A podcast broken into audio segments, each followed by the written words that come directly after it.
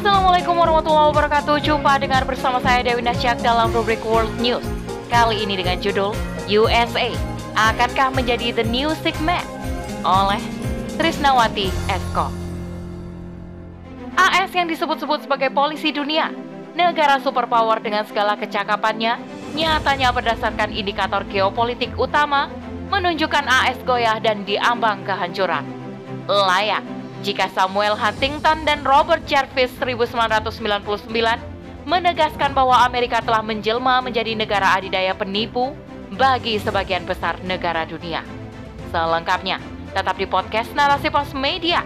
Narasi Pos, cerdas dalam literasi media, bijak menangkap peristiwa kunci. The Sixth Man merupakan julukan yang disematkan oleh Eropa kepada khilafah Islam Utsmani pada tahun 1953 ketika Daulah mulai kehilangan pengaruhnya di mata dunia. Saat itu Ottoman mengalami guncangan hebat, terutama dalam aspek akidah dan pemikiran yang berakibat fatal bagi keberlangsungan Daulah Islam.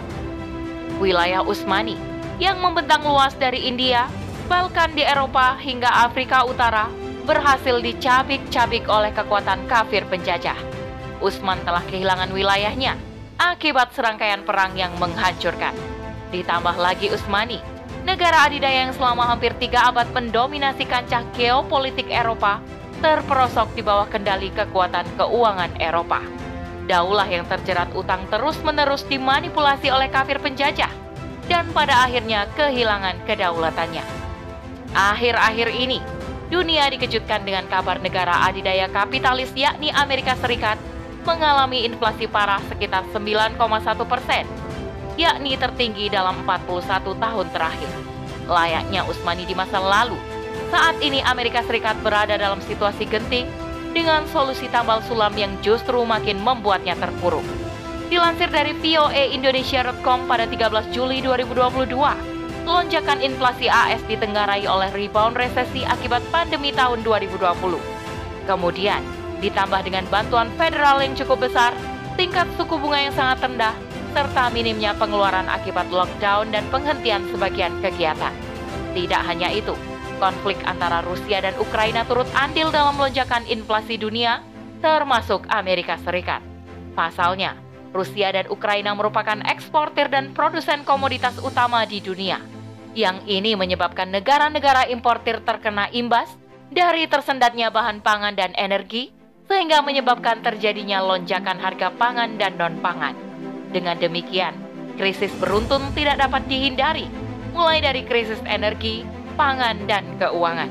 Di AS sendiri, harga makanan yang kian naik membuat ribuan warga mengantri di seluruh kantor bank makanan demi mendapatkan bantuan pangan setiap harinya.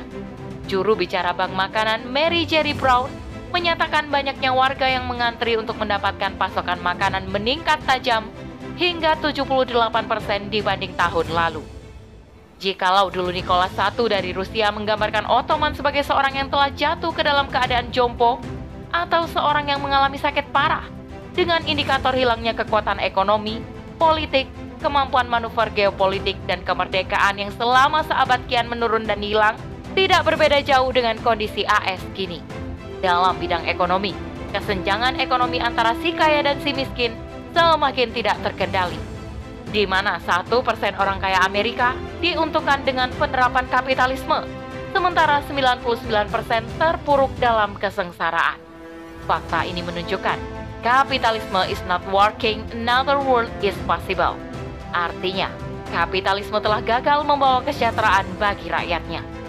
AS juga menghadapi tantangan keuangan negara yang nyaris tenggelam dalam lautan utang. Diketahui utang AS terus melesat terlebih sejak adanya pandemi COVID-19 yang memperparah keadaan.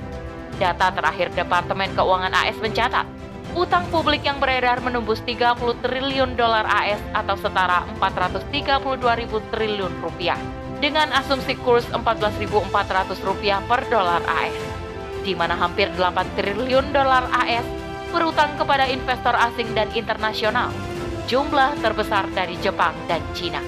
Dalam kancah politik luar negeri, untuk menancapkan hegemoni kapitalisme secara global, AS dan Barat menerapkan metode penjajahan atau imperialisme, baik secara fisik maupun dengan cara baru atau neo-imperialisme, yakni dominasi ekonomi dan budaya.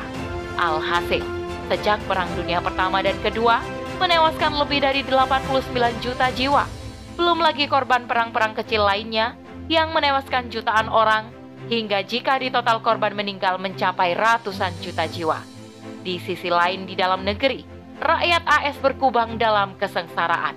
Berdasarkan data statistik FBI pada tahun 2005, menunjukkan bahwa kejahatan dilakukan setiap 22 detik, dengan pembunuhan setiap 31 menit, pemerkosaan setiap 5 menit, dan perampokan tiap menit.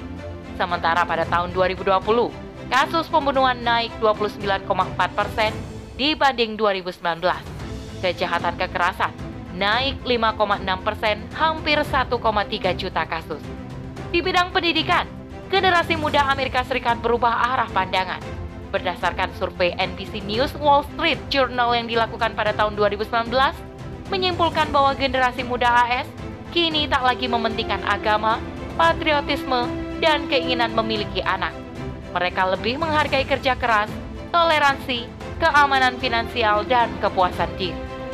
Amerika Serikat yang disebut-sebut sebagai polisi dunia, negara superpower dengan segala kecakapannya, nyatanya berdasarkan indikator geopolitik utama menunjukkan AS goyah dan diambang kehancuran.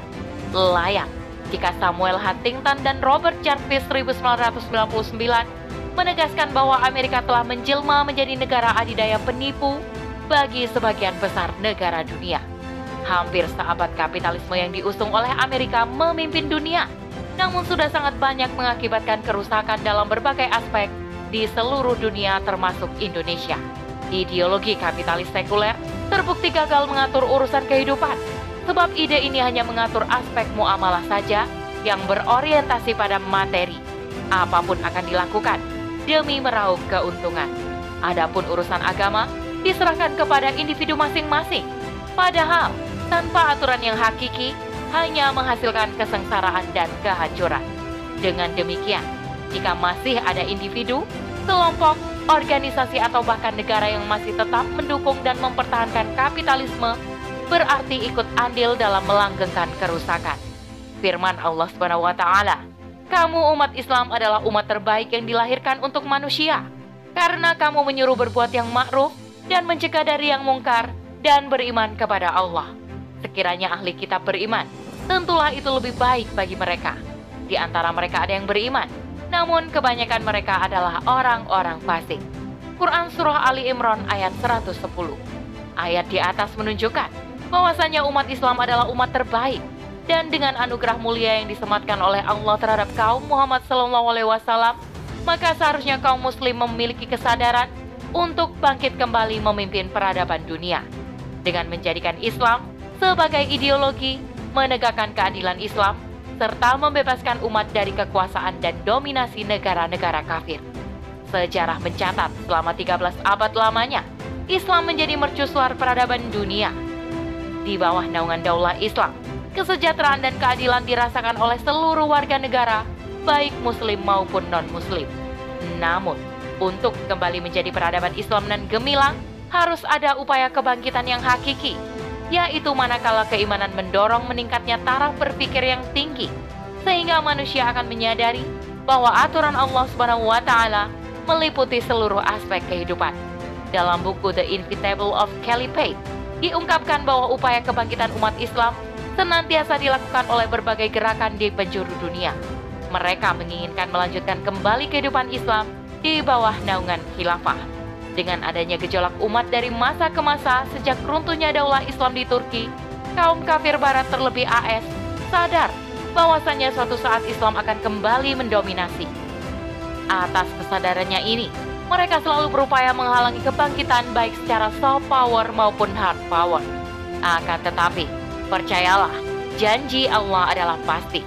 Bisyarah Nabi akan terwujud. Segigih apa pun Barat berupaya menghalangi gelombang perjuangan menegakkan kembali peradaban Islam, akan sia-sia dan berakhir pada kegagalan total. Umat Islam memiliki potensi yang cukup untuk Islam kembali memimpin dunia kaum muslimin memiliki ideologi yang sahih dan kuat, yakni Islam. Kemudian, disokong oleh sumber daya alam atau SDA yang melimpah, juga kekayaan alam yang sangat banyak seperti minyak bumi, emas, uranium, dan sebagainya.